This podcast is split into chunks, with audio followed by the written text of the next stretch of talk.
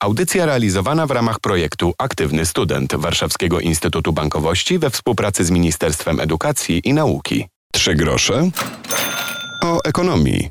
Piotr Topuliński, dzień dobry. Rozmawiać będziemy dzisiaj o studentach, o ich waszych kwalifikacjach, o tym, co można zrobić, by wiedzieć więcej i by nie tylko studia i zajęcia były tym, z czym idziemy do pracy. Porozmawiamy o certyfikatach, które można zdobywać, których jest coraz więcej do zdobycia w firmach i na uczelniach i wynika to z pewnej współpracy firm i środowiska naukowego.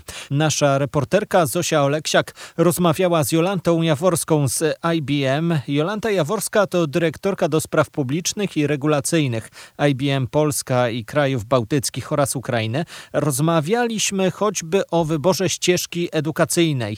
To młodzi ludzie w dużej mierze decydują o tym, co wybrać i w którą stronę podążać, jeśli chodzi o rozwój swojej kariery naukowej. Nauczyciele, wykładowcy powinni tym młodym ludziom pomagać. Zdaniem naszej ekspertki wszystko albo większość jest w rękach młodych ludzi. Tak bardzo dużo zależy od ich wyboru i nie na poziomie studiów, tylko wcześniej. Właściwie powiedziałabym na poziomie pewno końcówki szkoły podstawowej i liceum. Od nich, od ich rodziców, od ich nauczycieli zależy, jaką ścieżkę do swojego przyszłego dorosłego życia, ścieżkę no, kariery, rozwoju wybiorą. Oczywiście nam w firmach technologicznych, nawet nie tylko informatycznych, ale w firmach technologicznych jak najbardziej zależy na tym, żeby jak najwięcej osób właśnie wybierało tą ścieżkę, ścieżkę technologiczną, ale też z takim zrozumieniem, do czego ta technologia jest. Że to nie jest sztuka dla sztuki, tylko czy to oprogramowanie, czy ta architektura informatyczna, to wszystko gdzieś ma jakieś zastosowanie. I myślę, że to zrozumienie, że nie uczymy się tylko teorii, tylko uczymy się tej teorii, ale w połączeniu z praktyką. Tutaj rzeczywiście duże znaczenie mają sami młodzi ludzie, którzy podejmują taką czy inną ścieżkę edukacji w swoim życiu, ale na pewno też nauczyciele, którzy mogą pokazać ten świat tej przyszłości w różnych i różnych możliwych e, scenariuszy dla młodych ludzi. Oczywiście biznes też, no bo w trakcie tej e, konferencji EduMixera dużo rozmawialiśmy o tym, jak o tej współpracy pomiędzy biznesem a nauką i edukacją, ale myślę, że jednak mimo wszystko biznes ma bardzo ograniczoną możliwość. Największą rzeczywiście szkołę, edukacja, uczelnie, one są do tego predysponowane, one są do tego powołane i to od nich tak dużo zależy to dobry moment, by zapytać o tych, którzy już podczas studiów decydują się zmienić nieco swoją ścieżkę. Czasem są osoby, które rzucają studia humanistyczne i decydują się iść na kursy związane z programowaniem. Co z takimi osobami? Jak na nie patrzy branża? Myślę, że w porównaniu z tym, co było jeszcze kilka lat temu, w tej chwili jest ogromna dostępność szkoleń, e, dostępność edukacji, nawet w formie takich tak zwanych europejskich micro-credentials, czyli mini tych szkoleń certyfikowanych, które mogą pomóc w przekwalifikowaniu się. Pewno jedne są łatwiejsze, inne są trudniejsze, wymagają dużo więcej zaangażowania, ale myślę, że tych możliwości jest bardzo dużo i co więcej, wiele tych dostępnych szkoleń jest za darmo. Ja oczywiście mogę powiedzieć o naszej platformie Skills Build, gdzie są setki szkoleń pokazanych różnego rodzaju ścieżek edukacyjnych to wszystko jest za darmo. Tak, faktycznie część jest w języku angielskim. Powiedziałabym zdecydowana większość jest w języku angielskim. Zależy nam na tym, żeby ta edukacja, którą my oferujemy, żeby ona była aktualna. Więc łatwiej jest aktualizować coś w angielskim niż 15 na przykład językach, czy nawet więcej. Są takie możliwości. Zachęcam do korzystania. Nie jesteśmy jedyną firmą, która oferuje pewne rzeczy za darmo. Trzeba brać, że tak powiem, los we własne ręce. To nie jest tak, że kończymy szkołę średnią, czy kończymy studia i możemy już usiąść na laurach i powiedzieć sobie, ok, no to koniec.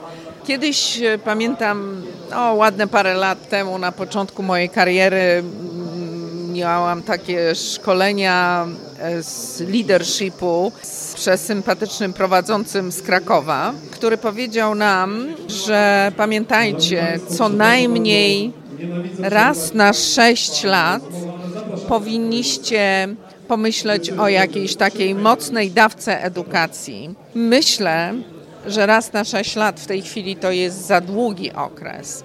Niezależnie od wieku pracownika, czy ten pracownik ma 40 lat, 50, 60 plus, podnosimy swoje kwalifikacje.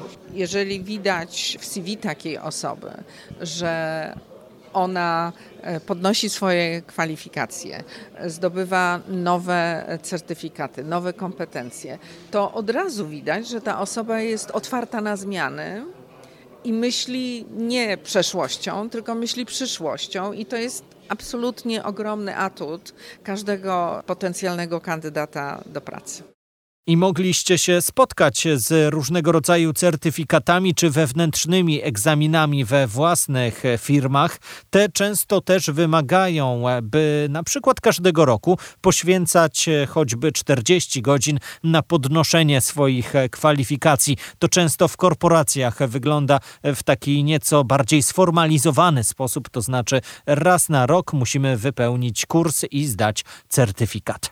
Rozmawiamy dzisiaj o współpracy firm z uczelniami. Takim wymiernym efektem jest obecność firm choćby na konferencjach naukowych, czy kursy, które mogą być wykorzystywane przez studentów nie tylko dla siebie, tak po prostu, albo by zaliczyć studia, czy któryś etap studiów.